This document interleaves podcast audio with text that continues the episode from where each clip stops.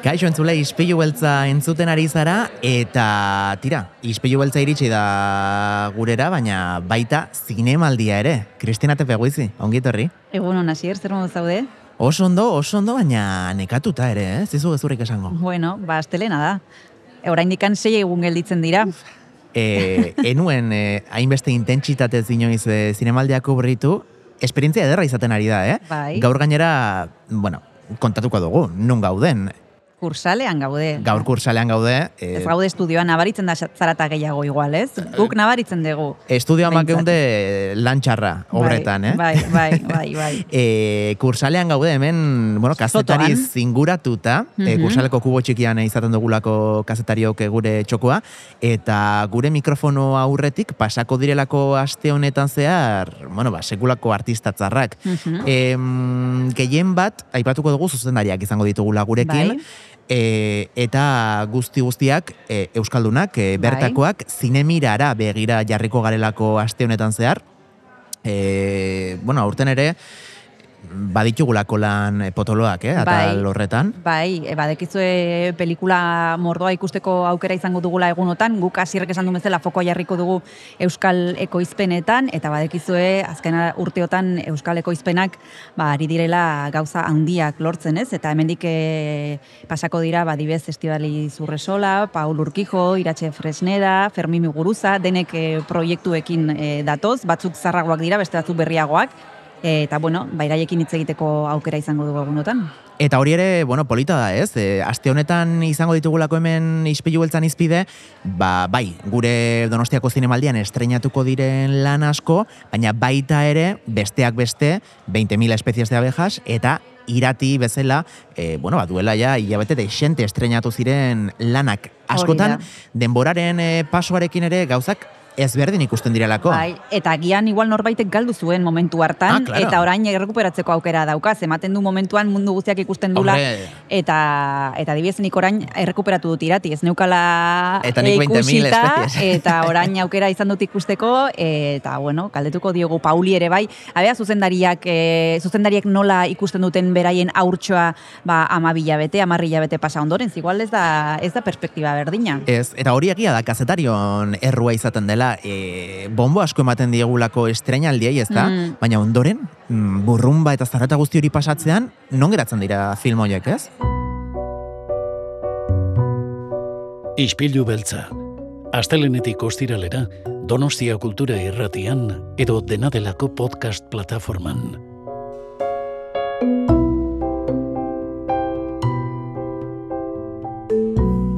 Donostiako zinemaldiak aurten bere irurogeita amaikagarren edizioa du, Mm. badira urteak, eh? irurogeita amaika urtez eh, ospatu direlako, eh, edo delako zinemaldia, eta izar asko izan dira, hain zuzen, ba, gure zinemaldian, e, e, bueno, ba, beraien astapenak, beraien lehen urratsak eman dituztenak. Bai, ze pentsatzen dugu zinemaldira izarrak etortzen direla, baina Claro. badira batzuk etortzen direnean ez direla izarrak, baina gero bihurtzen dira izarrak eta beraien ibilbideak hemen hasi hasi ziren, ez? Eta hori ere aipagarria da, badala zinemaldia ere leku bat e, e, ba, egileak deskubritzeko, ez? Eta hemen igual aipatu behar ditugu batzuk, e, adibidez, e, Jonathan Glazerrek aurten irabazi du Canesen e, sari nagusia, e, e, The Zone of Interest pelikularekin, eta, bueno, perlak sailean egongo da pelikula hori aurten, baina 2000 garren urtean, e, zinemaldian egon zen, sexy best pelikularekin, beraz, duela hogeita hiru urte, ja hemendik e, igaro zen, e, Jonathan Glazer, eta orain dator perlasera eta kanesen egon ondoren eta irabazi ondoren ez da, e, beraz, e, bueno, badide ibilbideak e, esan dezakegu hemen hasi zirenak.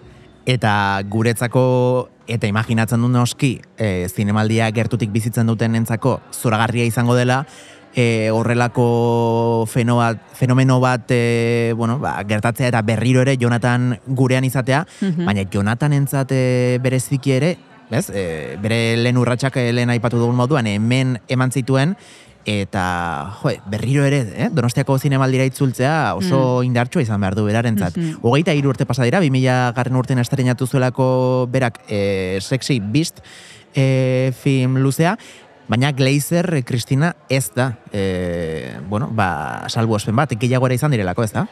Bai, hori da, seguro entzuleek gogoratuko dutela Amaguchi autorea, e, 2008 urtean egontzen Passion pelikularekin e, zuzendari berrien atalean, eta orain, etorriko da berriro, bere azken proiektua aurkezteko, Evil Does Not Exist, Venezian, epaimaiaren sari nagusia irabazi eta gero, beraz beste izen propio bat, e, donostian egontzena aspaldi, eta berriro datorrela, kasu hontan Venezian e, izan, arrakasta izan ondoren. Kris, e, Venezian arrakasta izan ondoren, eta pasaden urtean Drive My Car e, luzemetraiarekin Oscar saria eskuratuta gero. Beraz, e, bueno, aurten ere...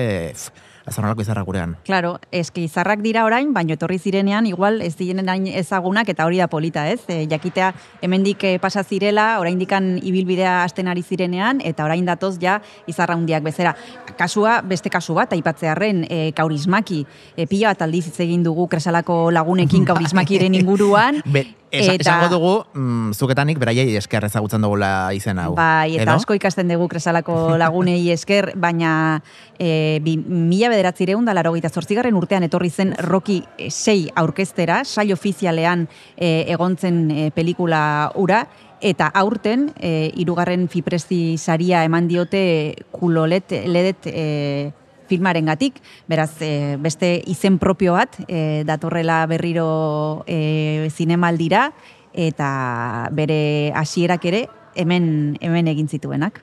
Wow, zoragarria, eh? Kaurismaki ere hemen izango dugu, e, kaurismaki bera edo beto esan da bere lanak, e, Hau izugarri da, Kris. E, hitz egiten gaude eta jende atzetik maletekin pasatzen da. E, e, nien nago dituta guztiontara, eh? Ni bizkarrez nago ez ditut ikusten. Normalian... bakarrikan zure aurpegia ikusten dut, arri dura aurpegia. E, hemen, egia da, mikrofonarekin jende gutxi dagoela, gehien bat e, prentsa idatzeko bai. lankida dauzkagu gure onduan, bai. eta mundu guztiak begiratzen gaitu. E, nik nahiago dute gure estudioko goxotasuna, eh? baina, baina itzuleko gara horrengo astean. Eta estatu mailan ere, bueno, ba, sekulako izar izarra bilakatu den beste artista batek ere, bere lehenengo pausuak hemen, gurean eman zituen.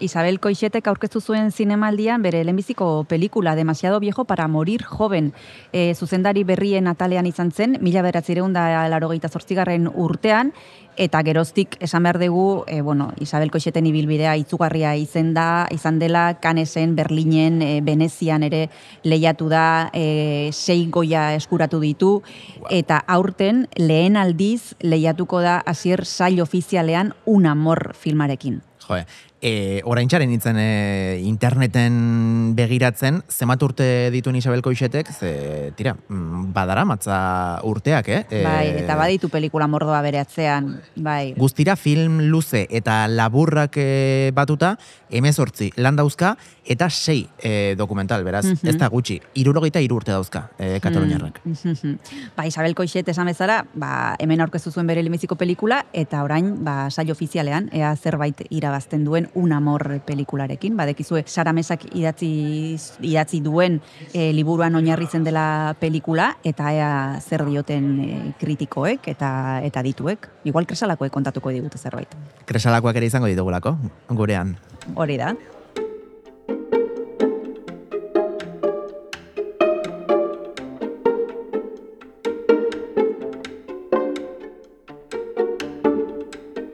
Jo, Kristina, sekulako gogoa daukat, orain jarraian iritsiko den une honentarako, eh? Gauean, atzo gauean, pixkat urturin nengoen, onartu berra daukat. bueno, ikusiko zuze ondo, aterako den. Ai, ai, a ber, a ber, a ber.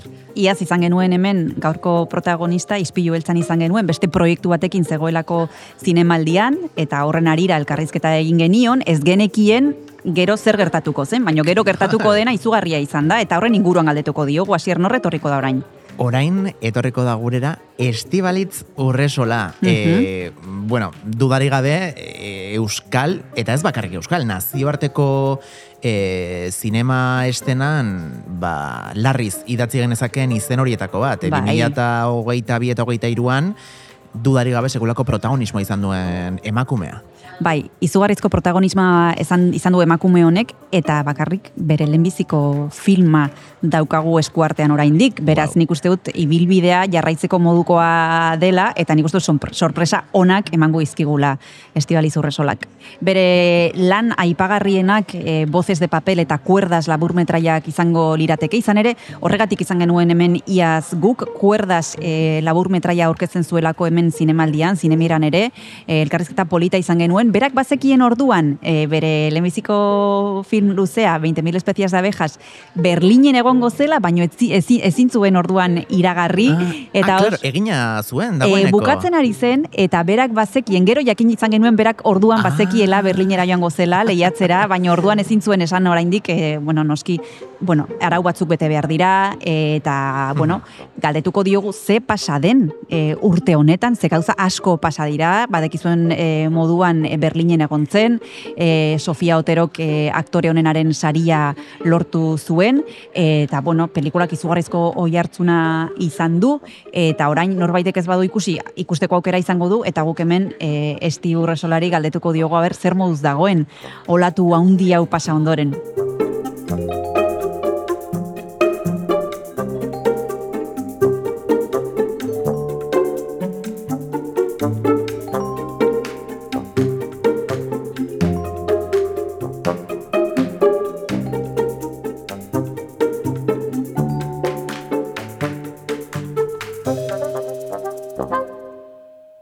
Estibali Zurrezola, ongi etorri gure izpilura. Kaixo, e, eguerdion, eskerrik asko, bai.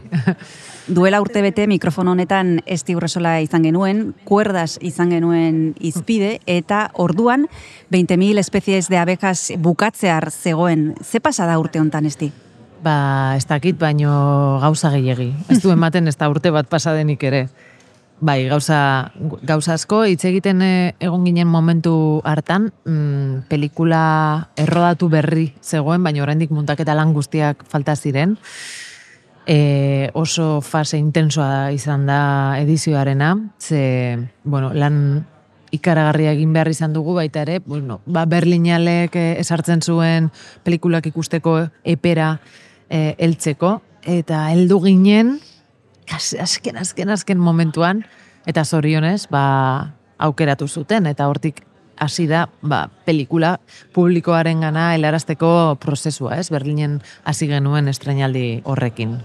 Otsailan dela. Mhm. Ia urte bete laister, eh, ez dakit orain distantziatik eh, perspektiba hartu duzula, e, zer nolako oroitzapena dauzkazun, e, bueno, ba, lan honen inguruan, e, zer nola bizi dezun, ez? E, berriro zinemaldira etorrita eta imaginatzen dut emozio asko, ez? Berpiztuta, e, distantzia hortatik, e, bueno, ba, kasunetan 20.000 espezies de abejas, lana.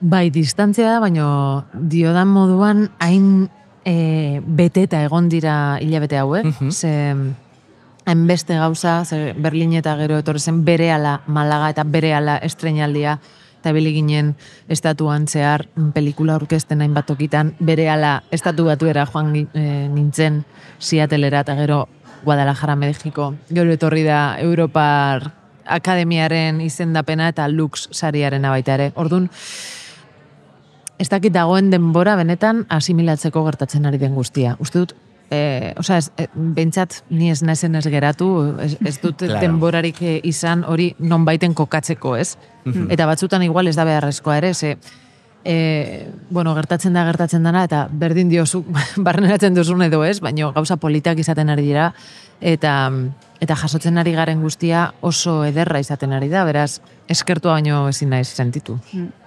Hemen zinemaldian bost pase izango ditu zure pelikulak, agian norbaitek ez du ikusi, bere garaian, eta orain ikusiko du pelikula.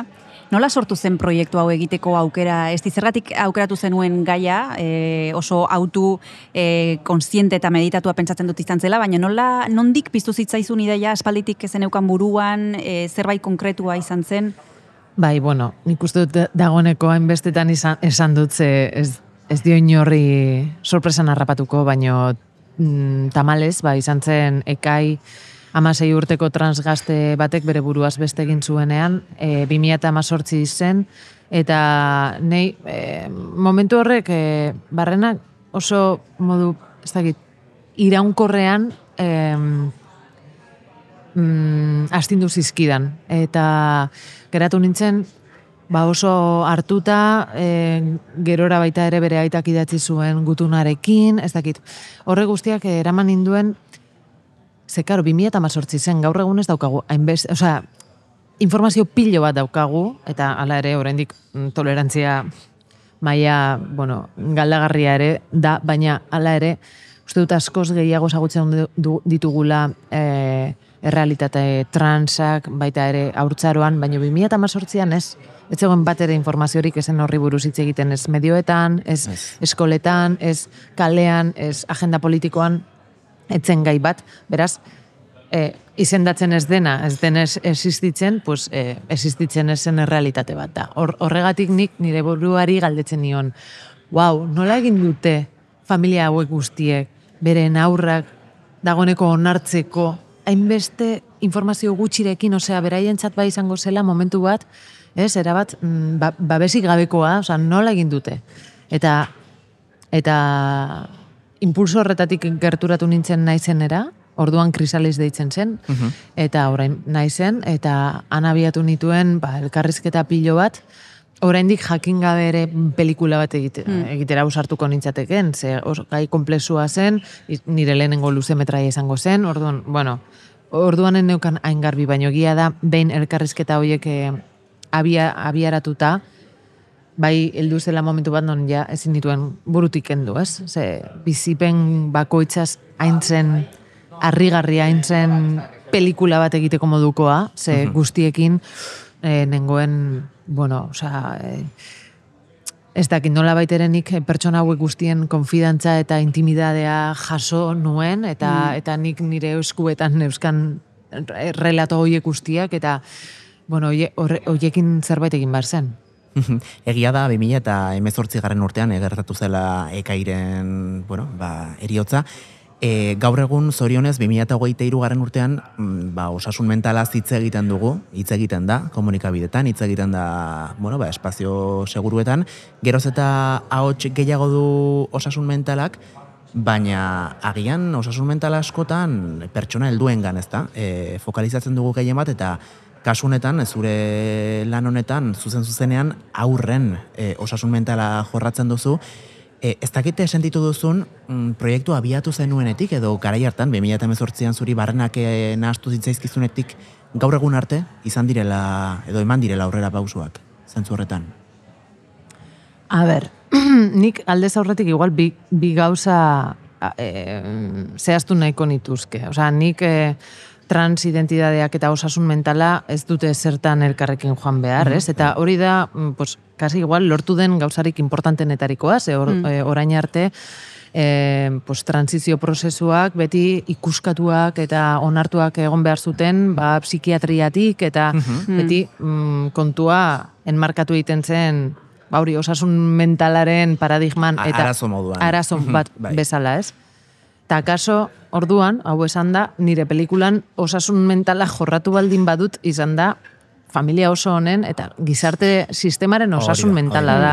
Hor mm, kolokan jartzen dena edo galdatu nahi nukena, ez? Ez hainbeste umearen umearena, ze saiatu izan naiz eta uste dut lortu ere mm, ume hau e, osea, pertsona normala da, ez dauka inolako arazorik berak bere, bere gorputzarekin ez da bere bizipenekin kontua da e, gizartearen aurrean agertzen denean gizarteak bueltatzen dion irakurketa hori bere izena dela medio, bere, bere arropa dela medio, bere mm, mm, karnetak dioena dela medio, gizarteak bueltan ematen dion mezua edo irakurketarekin bai sufritzen du, baina ez da berezkoa e, arazoa baizik eta gizarteak sentiarazten diona da. Orduan, igual osasun mentalari buruz hitz egin behar baldin badugu gizarteak gizartea arautzen edo bai, e, gizartearen oinarrietan dauden arau asko eta asko e, sufrimendu itzela sortzen dutela pertsonengan e, hausnartu beharko genuke, bereziki ba, genero, genero sistema binario ertxi honen e, inguruan hain zuzen pelikulari dagokionez, ba, e, sistema horretan eta kategoria ertxi eta itxi hoietan sartzen ez diren bizipen munduan egoteko modua guztiak e, sufrimendu asko pairatzen dutela, ez? Eta orduan galdera da, osea, osasun mental hori nondik dator, da berezkoa edo eratorria da, edo inposatutako horretara egokitzen esarelako. Familiaren erretratu bat izan daiteke ere zure pelikula, eta hor, e, asierrek aipatzen, aipatzen zuen orain aurrera pausuak eman ditugu, eta ematen du bai ez e, e, denok esaten dugu nik badut lagun bat trans, nik badut lagun bat beltza, nik ez dakit zer, eta horrekin ematen du ja kubrituta gaudela, ezta? Baina gero, fokoa jartzen degunean eta lupa jartzen degunean zure pelikulan ikusten da hor arrakalak, ez? E, nola e, gauza bat e, nola hartzen duen bakoitzak, ez? E, nola hartzen duen amona batek, nola hartzen duen besteak, nola hartzen duen izebak, nola hartzen duen amak, aitak, e, senideek. Em, familiak e, gaur egun nola ikusten dituzun? E, zuk e, aukera izan duzu askorekin hitz egiteko eta pentsatzen dut ere bakoitzari tokatzen zaionean ez dala hain erresa kanpotik ikusten dugunean bezala, ez da? Ze oso erresa da hitz egitea, baina gero barruan e, daukagunean ba, hor lanketa handia dago eta pelikulan ere hori igertzen da, ez? Bakoitzaren bueno, burruka, ez? Bai, era bat, eske, klaro, hori da, nik uste dut azken aldian, ba, zoritxarrez, naiz eta asko hitz egin den gaiari buruz, eta hori printzipio zerbait ona beharko luke izan, baino erabilia izan denez gaia ba, politikoki edo sozialki em, ba, aurre iritzi asko sortu dira horren inguruan, eta oso erraza iruditzen zait dela pertsona bat, familia bat epaitzea hartzen dituen erabakiak hartzen dituelako, baina ez di- nik klaro konturatu naiz familia hauek guztiak elkarrezketara elkarrezketatu izan ditudalako edo sorte hori eta baimendu didatelako hori egiten mm, claro, benetan bizi izan dituzten egoera guztiak ezagututa ez bakarrik e, gurasoek baizik eta umeek ere, ez? Ze azkenean hori mm, momentu batean e, e, familiak ez daki izendatzen eta beraz ez daki laguntzen ere orduan denak oso nahasita daude eta eta sufrimendua besterik ez da egoten eta e, hori guztia lehen pertsonan ezagutzen duzunean hori beti bezala, ez? Horrek eh, albide, albidetzen dizu bestearen azalean jartzen eta orduan igual ez da hain erraza epai bat egitea kanpotik, ez? Desde la barrerilla. Hmm. Eh, hori gauzarik errezena da eta iritzi eta eta arrazonamendu mentaletatik egindako diskurtso hutsak, ez? E, urrunetik egindakoak, ba, askotan, e, zera, gorroto asko sortzen dute Hmm. debalde, porque ez daude ez daude lehen pertsonatik e, eginda. Hmm. Eta hori da, ba, nire kasuan, izandako privilegioa, e, Hmm. familia hauen ba- barrenetan eta errutinetan sartu alizatea. Hmm. Eta Eh, hori da, ikusleari luzatu nahi izan dio dana pelikularen bidez, ez? Ikusleari luzatu diozu hori, hasirre justo atzo ikusi zuen zure pelikula, nik e, estrenatu zenean ikusteko aukera izan nuen, goizan egon gara hitz egiten pelikularen Bai. inguruan, eta egon gara hitz egiten e, nola pelikula honek mugitzen zaituen, ez? Era bat. E, eta hori da eskatzen dioguna e, zinemari besteak beste ez, mugitzea. Zuk harremana izan dezu orain ikuslearekin e, urte guztian e, eta pentsatzen dut ere gure iritzia iritsiko zitzaizula eta pelikula honek lortu du mugitzea. Ez ze pasatzen zaizu burutik jendea esaten dizunean jo zure pelikulak mugitu egin dit nire kasuan e, gainera egun asko.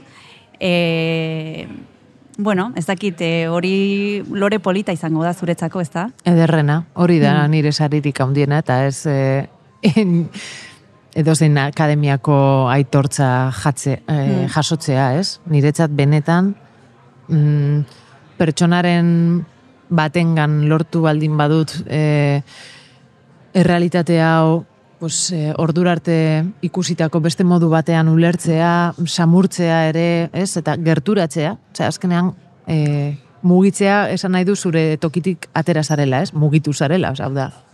Eta mugimendu hau izan baldin bada bestearekiko gertu, gertura, be- bestearekiko gerturatzeko, ba hori bizigaren gizarte batean uste dut lortu daiteken gauzarik politena da dala eta eta zinema korretarako gaitasuna izan dezakela konprobatzea pues, gauzarik ederrena da.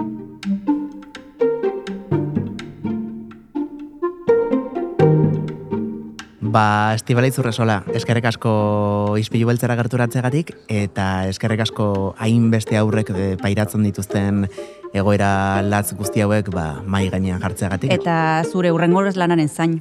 Vale, a ber, a ber, Ea, baita nire. laizter egoten garen. Eskerrik Eskerrik asko. asko. Bai. Ispilu beltza podcasta entzun gai duzu Spotify, Apple Podcast, Google Podcast eta beste hainbat audio plataformatan.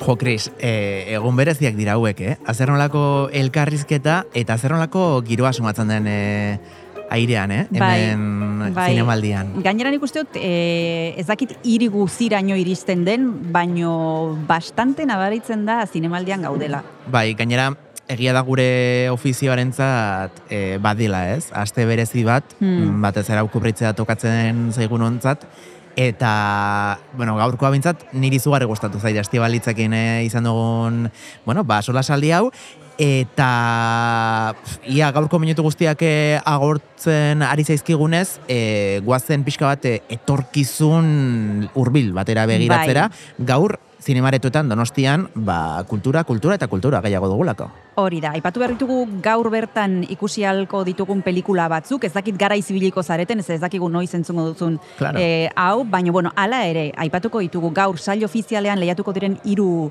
pelikula, orain hasten da e, nola pronuntziatu izenburuak, ze batzutan zaila da, baina bueno, hasiko gara, Joaquin e, Lafosen A Silence pelikula ikusiko dugu, e, The Practice, e, Martin Reckmanen e, pelikula, eta bukatzeko MMXX, Kristi e, Puyuren e, pelikula, badekizue e, zuzendariak e, pelikula interesgarriak aurkezten dituela beti, eta nik uste dut hau ere azpimarratzekoa izango dela.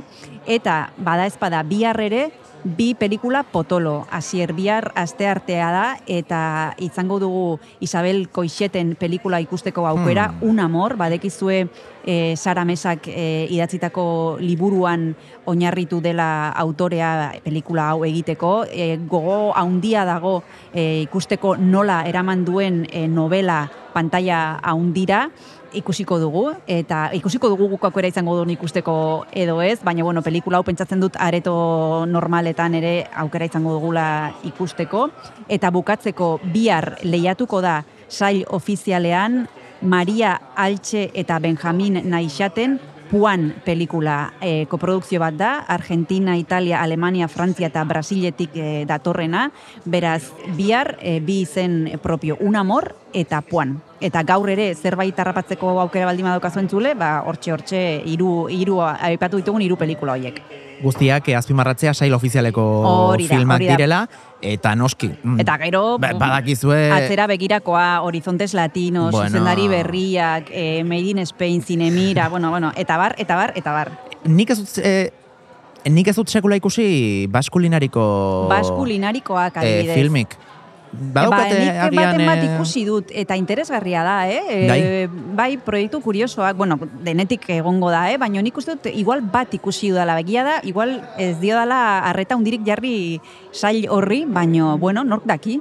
Bai, berezia da ez, eta sailagian bereziena gainontzekoek ez dutelako gai bat. E, Mm. Gehiago direlako beste faktore batzuk kontuan hartzen direna, baina baina hontan, eh, bueno, zuretan eri asko gustatzen zaigu jatea. Bai. Bueno, nori etzaio gustatzen ongi jatea, Mm, ez? Badaude batzuk. Bai. Badaude batzuk, gutxi, baino badaude. Baino gu ez gara. Ez goz gara horietako bi, eta hain zuzen, mm, niri behintzat gozea sartzen ari zait, orain e, urrengo proiekzioaren aurretik e, pintxo bat jango dugu, Chris, eta entzun duzu, eh? egunero egunero guk, e, bueno, ba, egunean bertan, eta urrengo egunean e, ikusi ahal izango dugunaren lagin txiki txiki batek ageriko dizuegu ona, beraz, ba, nahi baduzue, badakizue goizeko seiretan, eh? Jende aztak jatuko. Goizeko seiretan dagoela, izpilu beltza donostiako ziremaldi honetan entzungai audio plataformetan, badakizue Spotify, Apple Podcast, Google Podcast, iVox, nahi duzun guzti guztietan, eta bestela donostia kultura irratian, eunda zazpi puntu lau FM-ean, goizeko zortziretatik aurrera.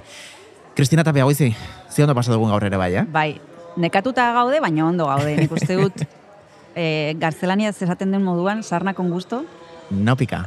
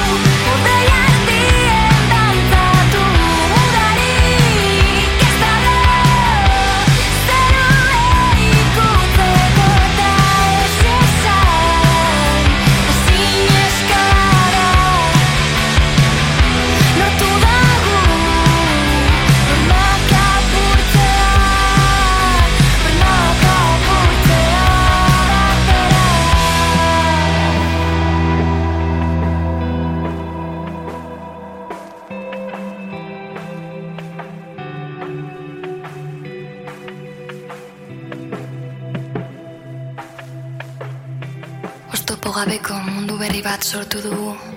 Non izarren artean egotea posiblea den Ni eta zu, zu eta ni Elkar besarkatzeko aukerarekin. Ez gaude galduta, elkarrekin gaude Egoera honi aurre egiteko prest. Ez dezala inork zapaldu Irudimenaren indarra Sentimenduen behar izan